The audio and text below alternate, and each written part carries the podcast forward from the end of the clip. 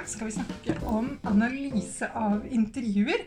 Og vi har fått en veldig spennende gjest, og det er Arnfinn Midtbø fra SV, som er førsteamanuensis. Eh, kan ikke du fortelle litt om hva du forsker på, Arnfinn? Jo, det kan jeg. Jeg forsker på innvandring og integrasjonsspørsmål ganske stort, med mange ulike temaer. Så jeg skrev en doktorgrad om diskriminering i arbeidslivet. Jeg har nå avslutta to svære prosjekter. En om hvordan det går med etterkommere av innvandrere i utdanning og arbeidsliv. Og et prosjekt om statsborgerskap, integrering og tilhørighet i de skandinaviske landene. Mm -hmm. Jeg tror også at du er et velkjent navn for de studentene våre som har samfunnsfag som fag.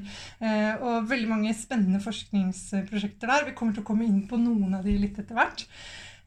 Du har gjort ganske mange studier hvor du intervjuer folk. ikke sant? Mm. Mm. Kan du si noe om når du vet at det er lurt å gjøre et intervju? Altså Når er det det passer? Ja. Um Sosiologer jeg er sosiolog. Mm. Sosiologer er jo ofte opptatt av liksom et eller annet fenomens utbredelse. Hvor mye, hvor mange, hvordan ser dette ut i stort. Mm. Men veldig ofte så gir jo det oss noen sånne oversiktsbilder, og ikke liksom detaljert informasjon om hvordan er det folk som eh, denne tematikken angår, føler, synes, mener, reflekterer, erfarer et eller annet som har med dette å gjøre. Da må vi intervjue folk eller observere dem for å komme tettere på liksom, hvordan er det folk opplever sin egen eh, virkelighet. Det kan være mange forskjellige ting. Det da. Det kan handle om hvordan er det arbeidsgivere tenker når de rekrutterer til en stilling. Det kan være hvordan er det eh, nyutdanna eh, legestudenter med en eller annen form for innvandrerbakgrunn eh, prøver å utvikle strategier for å få seg en jobb. Mm. Det kan være eh, erfarne folk i offentligheten som har en, en, eller annen ulik minoritetsbakgrunn, og hvordan de opplever å prøve å navigere et offentlig ordskifte som kan være ganske negativt innstilt til sånne som dem. Mm. Sånne type spørsmål kan man jo ikke få svar på hvis man studerer statistikk eller gjør eksperimenter. Da må man snakke med folk, mm. og da er intervjumetoder en god eh, inngang. Ja, absolutt. Eh, og så er det sånn at uh, I dette DIFO-emnet så har vi hatt en egen podkast som handler om måte, hva du skal tenke på når du planlegger å gjøre et intervju. Uh, og Det er den podkasten med Jokke det Vilde, så den må dere også høre på. hvis dere ikke har hørt på den. Men la oss nå tenke at vi har alle dataene våre. Så vi tenker at du har vært ute Arnfinn, og intervjua f.eks. ti stykker om et tema. Mhm. Hva gjør du helt konkret når du kommer tilbake på kontoret og har masse opptak? Ja, Vel, det første jeg gjør Nå antok jeg bare at du gjør opptak. Ja, jeg gjør absolutt alltid opptak. Jeg gjør alltid opptak. For det er lov å intervjue også med notater, men vi anbefaler nok kanskje ikke det. Jeg gjør alltid begge deler. Mm. Fordi eh, jeg har opptakene, sånn at jeg kan få intervjuene eh, i full tekst etter hvert. som jeg mm. skal komme tilbake til, men sånn jeg har det. Men jeg tar også alltid eh, notater underveis. Fordi det, liksom, det er noe med å være til stede i situasjonen, ta notater i øyenfallende ting som dukker opp under intervjuene. Analyseprosessen begynner jo allerede når du sitter og intervjuer på mange måter. Mm. Selv, om, selv, om, den ikke er så formell, så, det, så begynner jo tankene å, å, rulle, og du tenker på de forrige intervjuene og hvordan dette spiller seg ut i, i forhold til hva du har hørt før osv. Så, men, men, når jeg kommer tilbake på kontoret, så har jeg altså en diktafon full av intervjuer. Eh, og da sørger jeg for at den blir transkribert. Mm. Eh, tidligere i min karriere så gjorde jeg det alltid sjæl. for da det, hadde jeg ingen som kunne gjøre det for meg. Mens etter hvert som jeg har blitt eldre og litt mer erfaren, så mm. får jeg stort sett andre til å transkribere den jobben. For den er, jeg mener, det er, eh, det, tar, det er tidkrevende. Mm. Tungt arbeid. Man blir sliten av å sitte og gjøre det. Lange intervjuer, så, så holder man jo på i timevis. Mm. Og i noen av de større prosjektene jeg har hatt, eh, sånn som dette siste med etterkommere av innvandrere, så har vi hatt 63 lange intervjuer. ikke sant? Ja, og da kan ikke du, du gjøre kan, nei, nei. det kan ikke jeg bruke min tid på. Da har jeg ansatt studenter mm. som har sittet og gjort det. Og så har vi fått da fullt skrevne, detaljerte transkripsjoner mm. eh, fra alt sammen. Så da er det utgangspunktet. I det tilfellet hadde vi jo da noe sånt som 3000 sider med tekstmateriale. Ja. Det er mer enn de fleste. Det er mer enn de fleste, I hvert fall på masternivå. ja. Da vil det kanskje være mer enn 10-12-15 intervjuer, ja. eller et eller annet sånt, men, men, likevel så blir det ganske mye tekst. Mm. Så det er det første jeg gjør. Um, Hvor nøye transkriberer du? Lov å spørre om det? Altså, sånn, ja. Pleier du å ta med pause og intonasjon og sånn ja. nøling og sånn? Altså, Hva skal jeg si om det? Der har jeg nok kanskje endra meg litt. Da jeg kom rett ut fra Blindern, mm. Eh, så tok jeg med alle pauser. Eh, og jeg husker veldig godt at vi lærte mye om det. Mm. At pauser veldig, kan være veldig telling, liksom, mm. og, og, og, alt sånt. Men, eh, men men jeg har nok um, blitt, uh, bruker nok mindre og mindre plass på, på de tingene. Altså, klart, hvis det er veldig slående ting, så skriver man pause. Mm. Men, men jeg, jeg, skriver ikke inn alle ære og øre og mm, ø, mm, i mine transkripsjoner nå. Men, men, utover det så er de fullt transkribert fra begynnelse til slutt. Mm. Og så, da? Og så har jeg kommet til å eh, like et dataprogram som heter Hyper Research. Ja. Det syns jeg er veldig ålreit. Eh, Jeg har brukt andre tidligere enn Vivo bl.a. Men Hyper Research ser veldig sånn old school ut. Men har egentlig, Ja, jeg er liker det veldig godt. Ja, det er veldig intuitivt og veldig ålreit. Veldig enkelt å kode. Veldig lett å få ut de tinga man vil. Så, så eh, da har jeg gjort det sånn. Startet ut med, med noen veldig grove eh, koder for å liksom bare bare, egentlig bare systematisere hvilke deler av et intervjumateriale handler om liksom, eh, si eh, oppvekst, eh, skolegang, eh, arbeidsliv altså, eh, Hvis det er sånn litt mer sånn livshistorieintervjuer, f.eks. Men er det kategorier du da bare antok ja, Fordi du har gjort intervjuene, så vet du at det er noe om det i hvert intervju? på en måte? Ja, så den Ja. første runden er egentlig bare en refleksjon av intervjuguiden. ikke sant? Nettopp. Altså at det bare, bare for å liksom bare grovsystematisere Mm. eh, materialet, så er det en måte å komme i gang på. Og en måte å liksom lese og komme inn i stoffet på. Og så vil jo analyseprosessen etter hvert komme inn med, med, med mer detaljerte og mer analytiske koder etter hvert. da. Mm. Pleier du å lage kodene dine selv? Ja, jeg lager alltid kodene mine selv. Eh, Men det varierer veldig fra prosjekt til prosjekt og tema til tema Ja. hvor, hvor, liksom, hvor eh, liksom spesifikke de er. Noen ganger så trenger det ikke Det handler litt om hvor svært materialet er også. Ikke sant? Så jeg hadde 63 intervjuer og eh, hadde lyst til å se hvordan var det egentlig med med disse personenes diskrimineringserfaringer. diskrimineringserfaringer. Ikke sant? Det er Så- sikkert veldig varierende. Veldig varierende. ikke sant? Noen snakket, var det side opp og side ned. Ja. Andre var, var det knapt noen ting. Så det å da liksom kode og få de delene av de ulike intervjuene som handlet om det, og så kunne bare analysere dem for seg, det er det fine med Hyper Research. At du kan liksom plukke ut og bare se de delene som handler om det du er interessert i akkurat nå. Ja, Du kan på en måte spare de til videre, og så trykker man en knapp, så kommer det opp. Ja, ja. Mm. Som jeg syns er fantastisk. Da. Og I hvert fall når det er svære materialer, så må man gjøre det på den måten. Mm. Eller i hvert fall vil jeg anbefale sterkt. Mm. Ja, og det, det, det anbefaler vi også hvis man har altså intervju som eneste kilde, og man har gjort mange intervjuer, så er det kjempelurt. Um, hvordan, nå kommer det et veldig vanskelig spørsmål, så du har lov til å avvise spørsmålet også. Men hvordan vet du om kodene dine funker? Om de er gode, liksom? Det er, et, det er et superbra spørsmål. Om de er gode. Jeg vil tro at mange av masterstudentene lurer på det. Mm. Min erfaring som veileder er hvert fall at det ofte er litt sånn krisestemning når det gjelder disse kodene. Ja. Ja. Om de funker eller ikke. Ja. Det kommer jo litt an på hva slags, hvordan man koder, på en måte. Fordi noen, noen koder er bare helt sånn eh, deskriptive. Mm. Ja, Altså, Handler det om oppvekst, ja eller nei? Ja, er, handler det om liksom, I denne delen av intervjuet så beskriver de sine diskrimineringserfaringer. Ja eller nei, på en måte. Så, men jo mer analytisk og teoretisk de kodene blir, jo mer gode eller ikke gode Mm. kan de jo bli. da. Fordi i, i kodingen så ligger det jo også en tolkningsprosess. Mm. Og de, den tolknings, tolkningene kan jo være mer eller mindre gode. Og selv om man som eh, ansvarlig eh, forsker eller masterstudent i dette tilfellet da, føler at man har kommet fram til noen gode koder, så er det ikke sikkert at andre leser materialet på den samme måten. Og hva da som er godt eller ikke godt, er jo på en måte et litt åpent spørsmål. Men da er det jo fint å ha gode veiledere, da.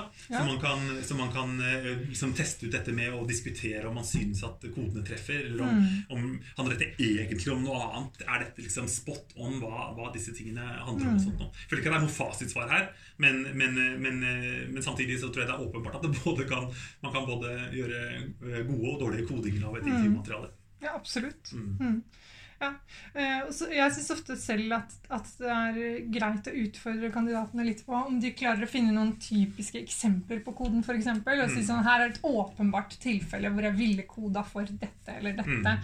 Eh, og hvis det er nesten umulig, så tenker jeg at det kan, kan være et problem. Og hvis, den, eh, hvis de har en sånn annet kategori, hvis den er tre ganger større enn resten, så er det jo også litt, eh, litt problematisk. Ja, da høres det ut som man har, burde gå et, et, et lite skritt til jobb videre med analysen. Ja.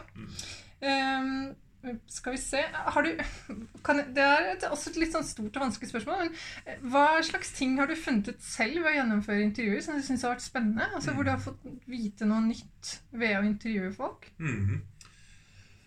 Ja, Der er det mange eksempler. altså. Um, Du har funnet ut veldig mye spennende. Ja, men det har vært, vært så mange morsomme, det har vært så Ja. mange morsomme prosjekter.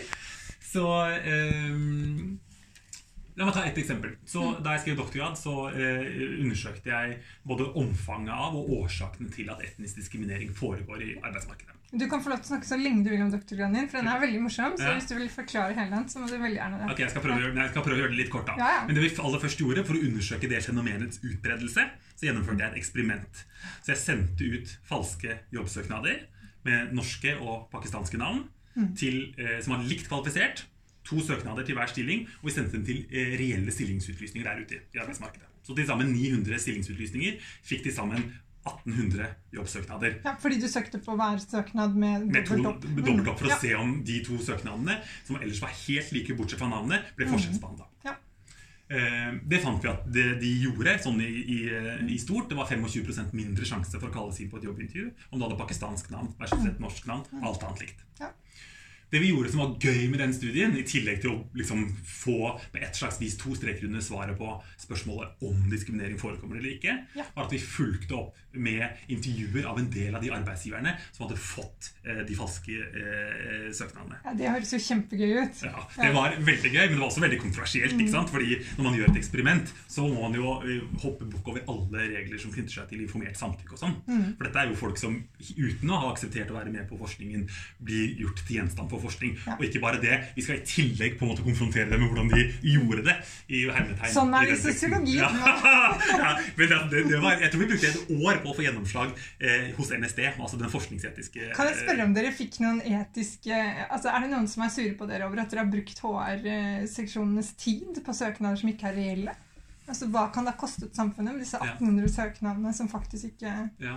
Har det vært mye kritikk av det? Nei, det var, Nei. ikke, det, var, det var overraskende lite kritikk av det. Jeg tror Altså Jeg husker at det var liksom noen som ringte og ikke syntes at det var noe Mm. ålreit og har blitt, eh, har blitt eh, måttet liksom ta stilling til falske jobbsøknader. Noen ble skuffa fordi at de var i bransjer som hadde eh, Mm. Veldig få De Ja, hadde desperat behov for kvalifisert arbeidskraft. Mm. F.eks. for eh, pedagogiske ledere i Nettopp. barnehager i Oslo. Og, Mm. og så Og søker så de dere med sånn drømmekombo. Ja, og så er det to, to relevante søkere, og de kastet seg over begge to. ikke sant?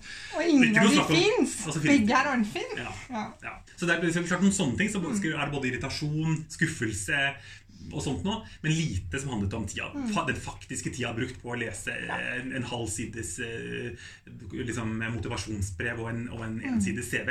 Det er ikke veldig omfattende. Pluss at jeg tror virkelig at eh, de aller fleste så verdien av at en sånn type studie ble gjennomført. Helt klart. Det er jo en veldig omtalt og populær studie. Ja. Ja. Men det som var interessant med, det var mange ting som var interessant med de intervjuene da, som vi Mm. gjorde i etterkant. Um, fordi eh, Hvis jeg skal ta to av de hovedfunnene som kom ut fra de intervjuene, og som var med å liksom supplere eh, det materialet vi allerede hadde gjennom eksperimentene, eller de resultatene, var for det første at eh, jeg var veldig interessert i ikke egentlig hvordan går det med liksom, eh, nyankomne innvandrere eller flyktninger i arbeidslivet, men hva skjer med de som er norskfødte med innvandrerforeldre? Ja, Som er født og oppvokst her i det norske samfunnet, men som har ofte et navn som signaliserer at de Nettopp. har en bakgrunn fra et annet sted. Hva skjer med dem? på en måte? Så derfor For å undersøke det, så i eksperimentet så var vi veldig opptatt av at de skulle skrive prikkfritt norsk, de skulle ha skolegang og høyere utdannelse og relevant arbeidserfaring fra Norge. Så det skulle liksom ikke være noe tvil om at dette er unge norske folk med andre navn enn hva man, en del av disse arbeidsgiverne ville være vant til. Det som var fascinerende i de intervjuene, var at det, ehm, de aller fleste arbeidsgivere klarte ikke å komme unna når vi snakket om denne tematikken, stereotypier og ting som har å gjøre med innvandrererfaringen å gjøre. Selve migrasjonserfaringen. Man snakket om dårlig Oi. språk, eh, annen kulturell ballast. eh, Selv om søknaden beviser det og, motsatte. selv, og selv med intervjuene gang på gang bare sånn, ja, Men nå må du huske at eh, i disse, i disse søknadene vi sendte, så var de skrevet på prikkfritt norsk osv. Mm. Bare sånn, ja, men innvandrere sånn og sånn. Og, som satte meg på sporet av en sånn Hæ, dette her er antagelig Fordi eh, det er jo mange unge folk med, med, som er født i Norge med innvandrerforeldre, men på dette tidspunktet, det er snart ti år siden vi gjorde dette, ikke sant? så var det jo ikke så veldig mange som var blitt voksne nok til å være ute i arbeidslivet. Så veldig mange steder så var de ikke representert i det hele tatt. Og for disse arbeidsgiverne, veldig mange av dem, så eh, var det helt klart at et utenlandsk signaliserte en masse ideer om hva, hva slags utfordringer et, eh, det vil medføre å ansette noen innvandrere. Ikke minst språk og, på språk og kultur. da. Så eh, Det resulterte i at jeg skrev en artikkel som heter 'Invisible Second Generation'. spørsmålstegn. Mm. For, for at liksom Skjer det noe her i at det er noen stereotypier og fordommer som hefter ved foreldrene, som så overføres over generasjoner og hindrer etterkommerne eh, som er født i Norge, i å få jobb? Så Det var et, et eksempel på hvor jeg tenker at det, dette intervjumaterialet var veldig var veldig interessant da, som et supplement og bidro til en forklaring på hvorfor vi hadde funnet de tingene vi hadde funnet. Eh, vil du ha et eksempel til? Ja, gjerne. Ja. Et annet eksempel var at det, det som var gøy med disse intervjuene, og som skilte dem fra nesten alle andre intervjuer jeg har gjort, er at vi hadde jo Vi, vi, vi, vi var jo interessert i å snakke om ansettelsesprosesser og de liksom, beslutningene og vurderingene man gjør når man ansetter. Men grunnlaget for det var jo at vi visste hvordan de hadde, hadde operert. Hva de hadde gjort i en konkret Ja. ansettelsesprosess. Det er jo veldig sjelden man har en sånn liksom, klangbunn eller utgangspunkt Ja. for et kvalitativt intervju. Man kjenner praksis. Mm. Nå vil vi høre hvordan de tenker. Um, Uten at de vet at du kjenner praksis. Det er jo kanskje det aller mest spennende. ja, det er det aller annet. Men på et eller annet tidspunkt så fikk de jo vite det i Ja. intervjuene. Og da kunne de snakke litt om det da. Men det vi fant da, som jeg synes var ganske slående, var at det, eh, ganske uavhengig av om, disse, om dette eksperimentet for de arbeidsgivernes del hadde resultert i en diskriminering av minoritetskandidatene, likebehandling, eller som også var en sjelden gang, diskriminering av majoritetskandidatene. Ja. Det hendte det også noen få ganger. Eh, Så det var ikke noen direkte match mellom de holdningene som Nei. arbeidsgiverne ga uttrykk for i de intervjuene, og hva som var resultatet i de, den, det eksperimentet vi hadde gjort. Det som var en nyttigere måte å liksom skille eh, disse informantene fra hverandre på, eller altså, hva skal jeg si, skille resultat Altså de, de, det som kjennetegna eh, de eh, prosessene som hadde endt opp i et diskriminerende utfall, var at de var ofte i privat sektor. Det var ofte i, eh, i, eh, ut, i um, rekrutteringsprosesser som var veldig uformelle, ustandardiserte. Kanskje én daglig leder som var en ganske liten bedrift, som eh, hadde fått inn 200 søknader til en stilling, og liksom hadde beskrev, flere av dem beskrev systemet hvor de fikk inn en søknad, og liksom i løpet av millisekunder hadde visste om dette var en søknad som var relevant, ikke relevant, og hadde liksom et sånt type sånn bokssystem hvor veldig mange av søknadene ble kasta rett i søpla, før man egentlig overhodet gikk inn og så på hva de var. Det som det, det førte meg inn på, var et sånn mer sånn organisasjonssosiologisk og egentlig sosialpsykologisk spor som handler om når er det stereotypier om ulike grupper får fritt spillerom. Jo, det gjør de ofte når det gjøres veldig raskt, uten noen overgripende liksom, noen, slags, noen som ser deg i korta. Du trenger ikke å systematisere, skrive, begrunne hvorfor du har gjort som du har gjort. Du bare tar det på sånn over the blink of an eye. Da får sånne stereotypier fritt, spill- fritt spillerom. Og det var interessant var at veldig mange av de som hadde diskriminert, hadde jo de beste og mest progressive holdninger når det knyttet til dette. Likevel så hadde det endt opp med diskriminering som resultat. Det var kjempespennende. Det er veldig spennende. Antagelig som en følge av at liksom konteksten rundt ansettelsene var så, er så forskjellig i arbeidsmarkedet. Som jeg var veldig interessant da, for Det løftet det på en måte opp et hakk fra disse enkeltindividenes holdninger og tanker om innvandring og mangfold og sånt nå, til hva slags type prosesser er vi en del av, og når er det Man har kanskje sett på det som et rent holdningsspørsmål eh, lenge. Ja, ikke sant? Ja, Det er veldig vanlig å se det som et holdningsspørsmål. Mens, men det mener jeg liksom eh, sosiologiens styrke da, er å prøve å klare å se folks holdninger og meninger og erfaringer i en, eller annen litt bredere og større kontekst enn det. Organisasjoner er ekstremt viktig da. Ja, det er kjempespennende. Eh, vi skal også eh, Jeg har også et spørsmål til deg om eh, det, det er nok den tematikken du er inne på nå, kanskje ganske relevant. og Det er hva gjør du hvis du intervjuer noen, og det viser seg at de tingene de sier, ikke helt henger sammen? Altså At de f.eks. uttrykker veldig gode holdninger, samtidig som de uttrykker litt mindre politisk korrekte holdninger. Eller hva, hva gjør du hvis det på en måte er store motsetninger i Innad i det samme Ja, innad i det samme intervjuet. Ja, det kan jo være litt krevende. Um, altså man, altså, og der vil, vil man nok Det vil nok variere litt fra intervjuer til intervjuer, tror jeg. Noen eh, kan være ganske eh, tøffe.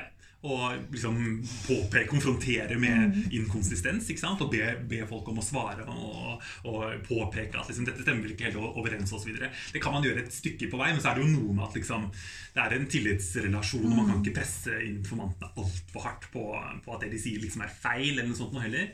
Eh, men man kan prøve det litt. Eh, noen ganger så kan, det, kan sånne inkonsistenser eh, og sånt nå, være veldig telling. Mm. Eh, likevel, sånn som i det eksempelet jeg hadde med, med dette med om man visste om de var etterkommere eller ikke, eller Ja. disse tingene, så kan mye av det de sa, være sånn der Til å begynne med så var jeg sånn Jeg skjønner ikke hvorfor de liksom Hvorfor sier de dette? Jeg minner dem på det, minner dem på det, og så bare etter hvert i analyseprosessen så bare sånn Ha, de veit ikke. De tenker at dette Skjønner du hva jeg mener? Ja, også, Uansett hva du sier, Ja. så står de fast i det. ja, for det, det, det, var så, det var så klart for dem. Og da ble jo det et funn. Noe som i utgangspunktet var en litt sånn noe litt sånn inconsistency, noe rart i intervjuene, som jeg opplevde da jeg gjennomførte dem. Og så da jeg trakk meg tilbake og så på disse, liksom, disse mønstrene, så var det sånn ha, Ja, men dette er jo superinteressant. Um, så um, Men um, Nei, det helt Ja, det var det, det, var det jeg liksom kom på da, å svare til det spørsmålet. Ja, men Det er et godt Eh, eksempel. Ja. Har, eh, I skoleforskningen så har vi flere eksempler også på f.eks. at uh, masterstudentene snakker med lærere om vurderingspraksisene deres. Ja. Så hva de vektlegger i vurdering, f.eks. Eh, og da sier de jo alle de rette tingene, og, eh, og det er veldig bra. Det, det skjønner vi. Men samtidig som hvis man stiller en del enkelte konkrete spørsmål, så viser det seg at de har veldig mye snevrere forståelse av Og da begynner de å snakke om retting og tellefeil og? Sånne, sånne, sånne type ting. Ja. Eh, hvor det da ikke henger helt sammen med det de kanskje har sagt som det offisielle svaret på hva de vektlegger i elevers prestasjoner, f.eks. Eh, men eh, den magre trøsten er kanskje at det alltid er ganske vanskelig, akkurat det der, når det er eh, Jeg synes Det du sier der, er, er, veldig, det er et godt eksempel. Fordi, fordi det gjelder jo generelt i, i kvalitative intervjuer at man så langt det lar seg gjøre, prøver å komme vekk fra de veldig generelle, overfladiske liksom, synspunktene, hvor det er veldig lett å bare mene noe. Og, og man også har ganske som informant eh, bevisst eller ubevisst nok en ganske klar idé om hva eh, den som intervjuer har lyst til å høre. Så jo mer konkret, praktisk, helt ned på hva gjør du faktisk nå, eh, er, er en bra ting. Og så vil det i en del tilfeller, når det er rom for det, er det jo utrolig ålreit å ha altså supplerende data. Ja. Hvis, man har, altså hvis man har oversikt i deres tilfelle, kanskje hvordan er det disse vurderingene om man har til, Mm, Hvordan til ser ut, hvordan ser ja. Mm. vurderingene ut. Eller sånn som man, jeg har gjort et par anledninger komplettert eh, intervjuer med observasjonsdata. Ja. Ja, det er det mange hos oss som gjør. Så kan du Mm. se på at liksom sånn, å ja, men de sier, de sier en ting og gjør noe helt annet. Eh, og da kan man konfrontere, eller så kan man bruke det som et funn og si at her er det to forskjellige nivåer. Fordi man må Mm. jo huske at det man, den informasjonen man får av å snakke med noen, er jo på et eller annet grunnleggende nivå bare den versjonen som Ja. vedkommende har lyst til å gi av seg sjøl. Ja. Det er jo en form for iscenesettelse alltid i kvalitativ forskning, Ja. som, eller i intervjuforskning, da, som, som man ikke kommer helt forbi. Men jo mer konkret man klarer å være, jo bedre. Mm. Og hvis man kan supplere med noe konkret, så er det, og noe som har med praksis å gjøre, Mm. så er det, så er det eh, en bra ting. Jeg har et gøyalt eksempel. Ja, kjør på. Så Det er en av de morsomste studiene jeg har gjort. Det var da jeg og en eh, kollega på Fafo, Jon Horgen Friberg, gjorde eh, en kvalitativ studie av etniske hierarkier i den norske lavtlønnsbransjen. Så vi var og gjorde intervjuer med arbeidsgivere i fiskeindustrien, i Ja. hotellnæringa og i byggebransjen. Og det som sitter, det som jeg husker aller aller best fra den studien, det var at vi var på feltarbeid i Lofoten. Jon og jeg bodde i rorbur, cruiset rundt med bil og intervjua liksom For et liv! ja, for et liv! Det var så gøy! Og, og, og intervjua liksom eh, sånne fabrikkledere, fiskefabrikksjefer. Eh, vi snakket med eh, ansatte, vi snakket med politikere i lokal... Liksom, som var, vi var der, det var, Dette var i 2015, da var det lokalvalg. Så vi var på valgvake Hvor lenge var du der oppe Nei, vi var der liksom, ti dager eller noe sånt. Oi, oi, oi. Vi cruiste liksom rundt da, og snakka med bryggesjauer og administrasjonen og alle mulige slags ting. Og det viktigste var, var intervjumaterialet, men vi sugde liksom til oss alle uh, tenkelige slags inntrykk også fra det mm. dere, liksom, det litt sånn antropologiske hermetegn eh, vi var på. Nettopp. Og en utrolig gøyal ting var vi sto og venta på et intervju. Vi var litt tidlig ute, eller noe hadde blitt forsinka. Så var vi på en sånn brygge på en, på en eh, øy utafor Svolvær. Og der eh, eh, kom vi i snakk med en gammel bryggeskjærer som var altså rundt 70 år, eller noe sånt nå, og som hadde jobba i i 50 år i bransjen. Siden han var guttunge, liksom ferdig på, med, med gymnaset, da, som det het den gangen, så har han jobba på brygga. Og Han sto der og snakka om liksom, livet sitt eh, i, i den, og hvordan dette, denne bransjen hadde forandra seg eh, med innvandringen som hadde kommet da, fra midten av 80-tallet og framover. Eh, og det har den jo rent sånn objektivt. Altså Ja. Andelen innvandrere i, i eh, fiskeindustrien er jo, er jo eh, mangedobla. Så Nå utgjør omtrent innvandrere halvparten av arbeidsstokken. Oi. Og det, før 1985 så var det omtrent en innvandrer i hele bransjen. Så det er en enorm utvikling. Anyway, Poenget er at han sto der, og så snakket han om sine voksne barn, som nå skulle begynne å studere. Og han sto da altså og snakket oss på den brygga. Bak ham var en fiskefabrikk i full sving. Han driver en massiv produksjon, masse folk som jobber der inne. Og han snakker om at eh, hans døtre eh, er jo nødt til å flytte til Oslo eller Bergen eller Trondheim. For det er jo ingenting for dem her. Det er helt utenkelig at de skal kunne jobbe her. Altså, Hva skulle det være? Hva skulle de holde på med? Så, så, I hans fortelling da, så var det på en måte en fortelling om et sted uten framtid og uten jobber og uten noen ting. Samtidig som det bak ham var full rulle. ikke sant? Men poenget er at det, det, som har skjedd i denne perioden, er at det er utenkelig for noen med en norsk bakgrunn fra, fra det stedet å jobbe på den fabrikken. Sånn som, men, som, men som han selv og folk i tusen år bakover i historien har gjort. da. Det er jo helt En utrolig. utrolig interessant ting. Og da var det nettopp mismatchen mellom det han Mm. sa og det vi så, som satt, samtidig gjorde det så tydelig for oss hvilken vanvittig endring som har skjedd i Ja. industrien når det gjelder hvem er det som egentlig passer til å gjøre hva slags type arbeid. Da. Mm. Så uh, Og veldig fint eksempel, siden det jo gjelder barna hans også. Så det, du vil jo virkelig komme inn på reelle holdninger. mm, Så spennende. Eh, Jeg har et spørsmål til deg som handler om eh, Det er, litt vanskelig, kanskje. Jeg kan prøve. oss. Altså, hvis du tenker deg at jeg hadde tatt med en transkripsjon til deg eh, og sagt ok, her er 40 sider med transkribert intervju. Syns du det ser bra ut? Altså, sånn, hva, hva er tegn på at intervjuet er godt? Altså ting som vil gjøre intervjuet til et godt forskningsmessig håndverk? ja, det er et spørsmål. Så Noe av det tror jeg handler om det vi snakka om i stad. Altså at man må klare å stille konkrete spørsmål, ikke bare generelle. Mm. Hvis det blir veldig sånn overfladiske spørsmål som, som fort kan bare være sånne ting man sier. Hva tenker du om ditt og datt? Ja. Synes du at eh, å, det, det er det ene. Så veldig generelle spørsmål. Hvis det er veldig mange av dem, så Mm. kan det antyde at man liksom ikke har kommet helt inn i substansen. Så konkrete spørsmål er lurt. Og det vi snakker om nå til dere studenter, det er jo noen hint også om hva slags type data man bør vise fram i masteren. For Ja. det er jo ikke alle som legger ved hele transkripsjonene sine. Mm. Og da er det jo ekstra viktig at vi prioriterer f.eks. konkrete spørsmål Ja, over og så- generelle. Ja, og, da er det jo, og, og dette er jo viktig å tenke på allerede i intervjuguiden. Mm. Prøve å tenke så konkret som mulig. Så Det er det ene. Det andre er at det er lett i en del intervjuer, hvis man ikke er så erfaren, å stille ledende spørsmål. Ja. Altså Man ønsker å få en type Mm. svar fordi det passer. Også hvis man da sitter og skal lese i transkripsjonene, og du ser, du ser svar som, som, hvor du kjenner liksom «Ah, Men sier du det, det du egentlig liksom har Mm. tenkt her? Eller er det mulig å se for seg at, du, at informanten her bare snakker intervjuerne til munnen? Mm. Så er det en sånn typisk sånn det er, det er lett å havne i den grøfta, men det er ikke så bra, da. Fordi vi vet jo at eh, Som sosiolog så vet jeg at alle mennesker har en tendens til å prøve å, å gjøre de situasjonene man er i, så hyggelig og smidig Ja. som mulig. Og hvis jeg stiller deg nå, Marte, spørsmål? Ja. Som, så, Så vil du- jeg gjerne si så vil ja, du gjerne si ja, ikke sant? Altså, Ja. Og så hvis du stiller veldig ledende spørsmål for å få det du vil ha, så kan det svekke eh, Mm. troverdigheten i intervjuene. da, Som er en, som er en, annen, en annen variant av det. En, en siste ting som jeg vil si, er at, det, er at det, jo mer eh, man, man burde kjenne intervjuguiden sin så godt det er overhodet mulig. Sånn at man slipper å liksom måtte ned der og bli så opphengt i liksom, eh, akkurat rekkefølgen eller akkurat i de og de spørsmålene. Ikke på den måten at jeg mener at man ikke skal stille de samme spørsmålene, men man burde prøve å være så fri som mulig, sånn at man klarer å stille gode oppfølgingsspørsmål. Som henger sammen Som med det man akkurat har snakka med. Ja. Ja, ikke sant? Mm. Du må klare liksom å følge opp og grave videre når du, når du ser at her er det et eller annet som er interessant, eller Mm. her er det et eller annet som ikke gir helt mening. Spør mer, grav litt videre. Ja. Hvis du klarer å gjøre sånne typer ting, så får du ganske gode. Ja, og det kan jeg også si at det er en av de tingene jeg som sensor setter veldig stor pris på. Hvis jeg får se litt mer enn bare sånne enkelte løsrevne sitater hvor man ikke helt skjønner hva det er Mm. det er svart på. Men hvis man kan se akkurat den der utspørringen da, hvor det kommer noen oppfølgingsspørsmål, og, og man ser at, at det er direkte relatert til akkurat det temaet man hevder å analysere, f.eks., Mm, så er det veldig bra.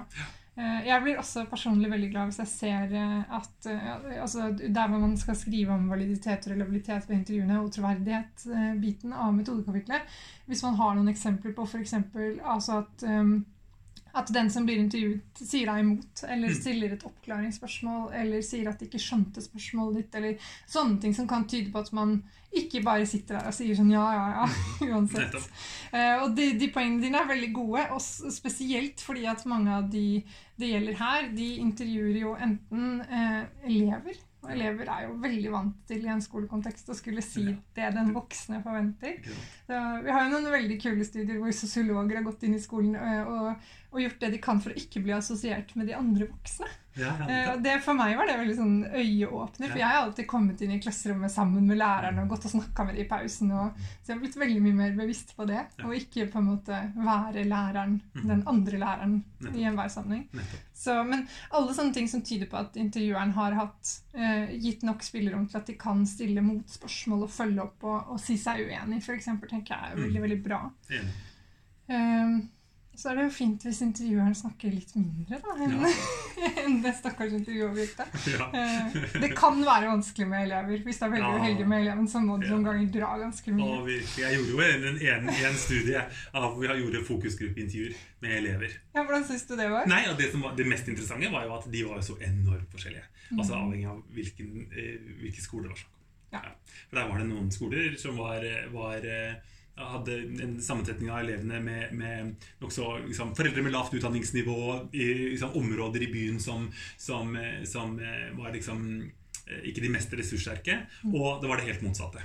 Og den forskjellen i, i selvtillit, eh, formuleringsevne, eh, aktivitet mellom disse skolene var altså så slående. Liksom, Jeg husker et sånn fokusgruppeintervju hvor folk bare altså, Vi fikk jo ikke sagt et ord, for de bare kastet seg over det. Snakka, snakka, snakka, snakka, snakka. Kom ikke til ordet.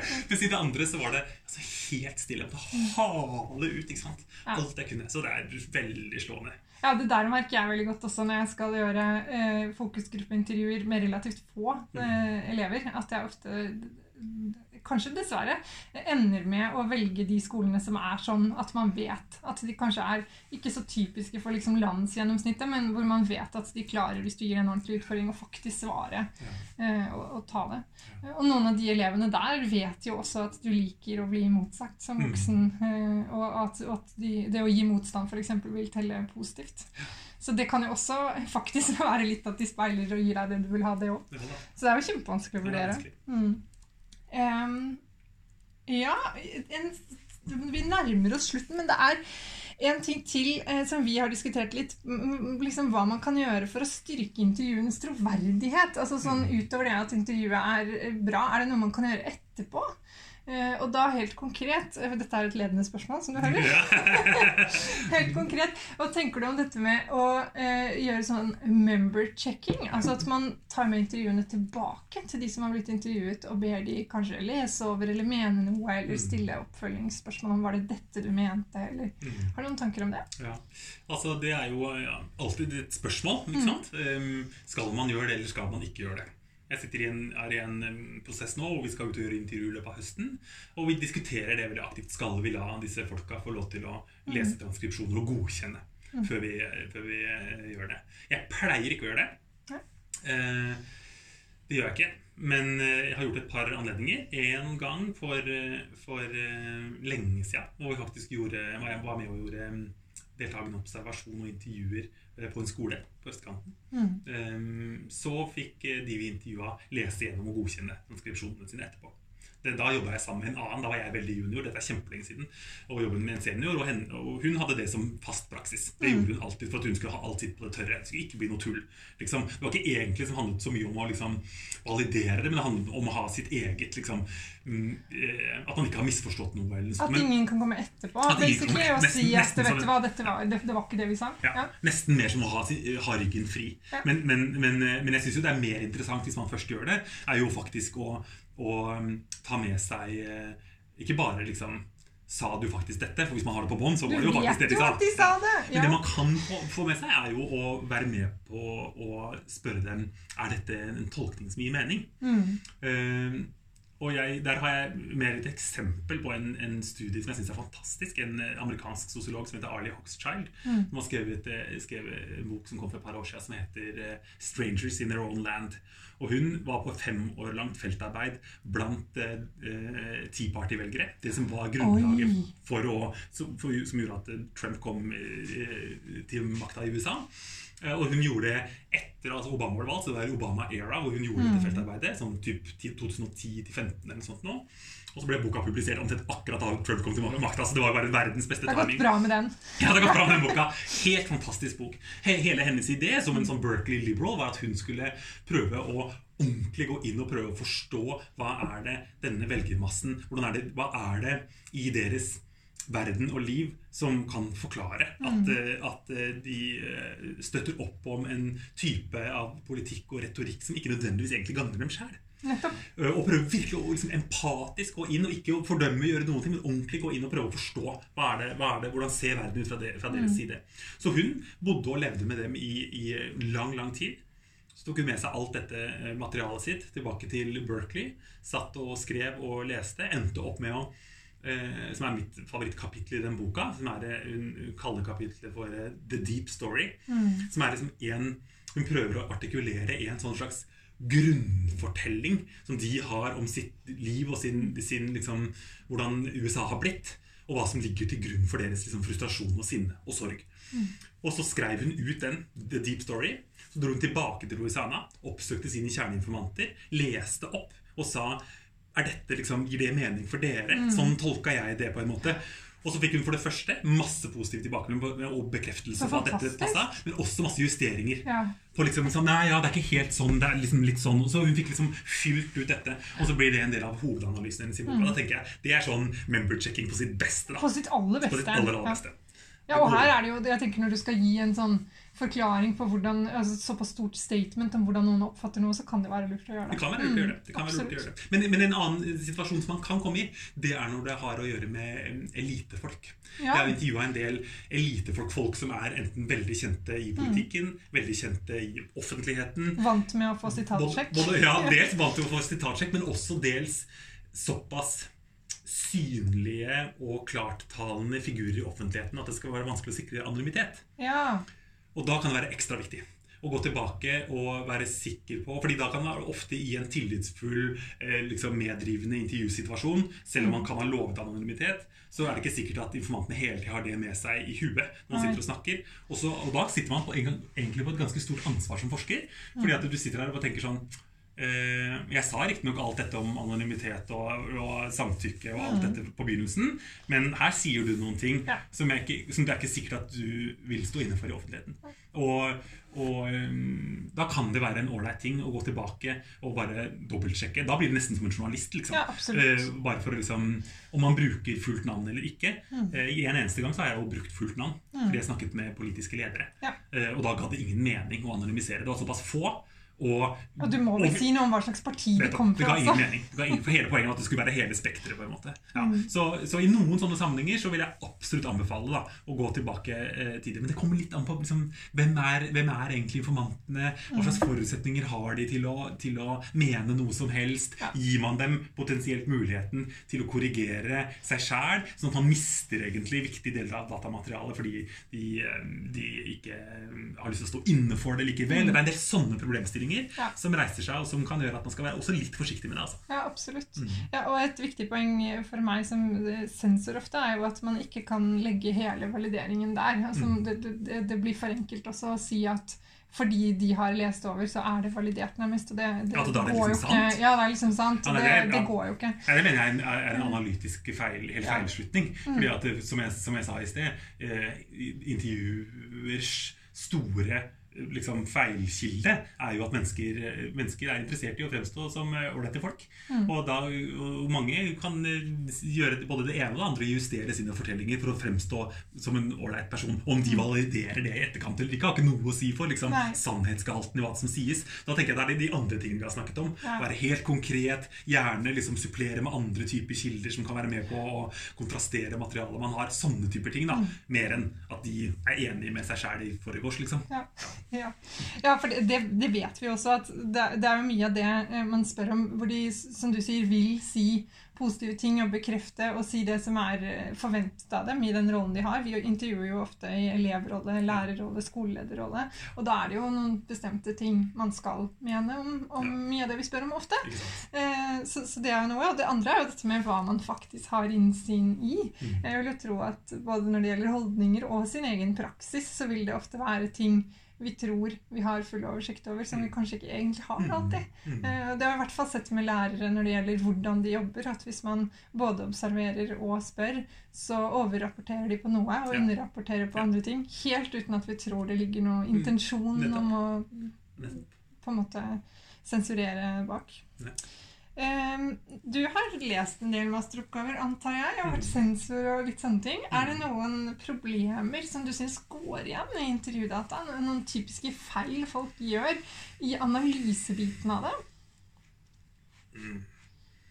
I sosiolo- ja, altså, det, er, det, er, dette, det spørsmålet kan man jo besvare på mange nivåer. på en måte. I sosiologi så er den klassiske problem, problemstillingen at det er en mismatch mellom, eh, mellom empirisk analyse og teoretisk eh, Ja. liksom, framing. Altså det er ofte, ofte så vil man få oppgaver som har skrevet en, en kandidat som har lest seg opp og kan masse teori, og skriver et teorikapittel, og så er det en analyse som Ikke henger sammen. ikke henger sammen. Og det er ingen form for sånn diskusjon hvor disse tingene kobler sammen i det hele tatt til slutt. Nei, Ja. det har vi sett mye av òg, faktisk. Ja, Ja. Så det er en, en klassisk tilbakemelding. Altså, det, eller, liksom- Manglende operasjonalisering, ja, rett og slett. simpelthen Ja. liksom, at, det, at det blir på helt forskjellige nivåer, så klarer man ikke å binde det sammen. Ja. Skal være især, så kan dette være helt fine deler, men, men man klarer ikke å nyttiggjøre seg av teorien da, i analysen av det empiriske materialet. Så ofte så føler jeg at at eh, de empiriske analysene kan være litt flate av den grunn. Ikke sant? De blir veldig tekstnære, veldig tett på det som sies. Veldig deskriptive. Veldig deskriptive, Ja. liksom. At man ikke klarer å på en måte eh, bruke de teoretiske redskapene som man egentlig hadde annonsert tidligere, til en ordentlig analyse og diskusjon av, av hva det man har funnet, hva er det dette betyr egentlig. Eh, men du mente kanskje enda mer sånne Nei, men Ja, det der er en stor utfordring Ja. i mange intervjustudier, så det er jeg helt enig i. ja, Mm. Um, Ellers er det nok mer av de tingene vi snakket om i sted. Altså at eh, Noen ganger så kan det være lite, for lite informasjon fra Ja. intervjuene. Altså det jo, Ofte så sitter man jo på et enormt materiale. Selv, selv 10-12 intervjuer, så er det jo, hvis de er lange, så er det jo masse tekst. Eh, og man må jo selvfølgelig gjøre et valg, og sånt, men noen ganger så kan det bli litt knapt. Man kan få vanskeligheter med å, å få tak i eh, enten konteksten for spørsmålene som ble stilt, hva er egentlig, liksom, hva, hvordan kom dere fram til dette? på en måte? Du sa jo noe om det i sted, noen måter man kan gjøre dette på. Eh, En annen ting er eh, eh, hvor er det informantene snakker fra? Eh, i, I sosiologi så er vi jo veldig opptatt av, av ikke sant? Altså, om du snakker med om du snakker med en, en eldre mann eller en yngre kvinne eller en fra Oslo eller fra Finnmark Sånne typer ting har noe å si for liksom, ståstedet man snakker fra.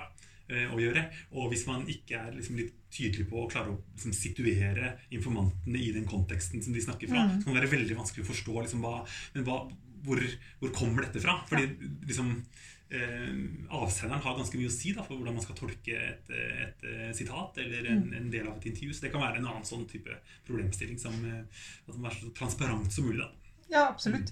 Og jeg vil jo nesten si at det er kanskje spesielt viktig i utdanningsforskning på eh, masteroppgaver på 30 studiepoeng, hvor man eh, ofte havner opp i en situasjon hvor du må intervjue de du får tak i, nærmest. ikke sant? Hvor det er et veldig sånn bekvemmelig utvalg. Ja. Eh, og da eh, kan man jo ikke bare late som det er eh, helt eh, tilfeldig hvilke fire lærere du har snakka med, for det er det jo aldri. Eh, så da må man jo ha med nok om de. Mm.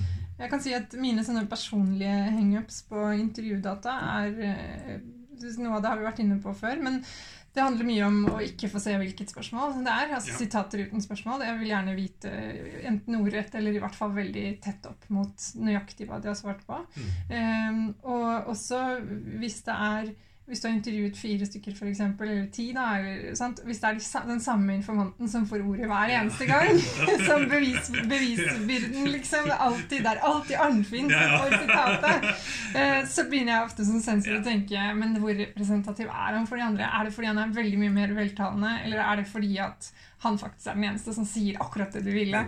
Eh, Så jeg har selv eh, noen ganger måttet ta de sitatene som jeg ikke syns er det aller beste sitatet på, uh, på akkurat det jeg ville vise. Rett og slett for å få litt sånn representativitet internt i artikkelen eller teksten jeg skriver. Ja. For det er jo ofte én person som Ja. kommer med alle de fantastiske sitatene, da får du jo veldig lyst til å bare vise til den hver gang. Ja, og det er et veldig godt poeng. Altså, og jeg, eh, I det hele tatt, det å, det å ta seg tid i en analyse til å vise variasjon Mm. Og at det liksom ikke Altså, man kan ha så lett for Og, og det vil jeg nesten mene er, er et stort problem også når man skriver artikler. ikke sant? Fordi, det er så, fordi formatet er så lite. At, eh, at, eh, og det skal være så tett kobling liksom, mellom det teoretiske og analysen. og alt dette, så Man kan også som forsker, mye mer erfarne forskere enn en masterstudentene vi snakker til her, eh, på en måte bli liksom pressa til å fortelle liksom en litt sånn én enkel historie. Nettopp. Mens kvalitativ forskning jo eller intervjuforskning er jo liksom Det store muligheten man har, er jo nettopp å, å nyansere, åpne Mm. opp, fortelle at det er ikke så enkelt. Eh, dybdeforståelse, dybdeanalyse. Ikke sant? Det er disse tingene egentlig. Så man skal være veldig oppmerksom på det. Men så bra.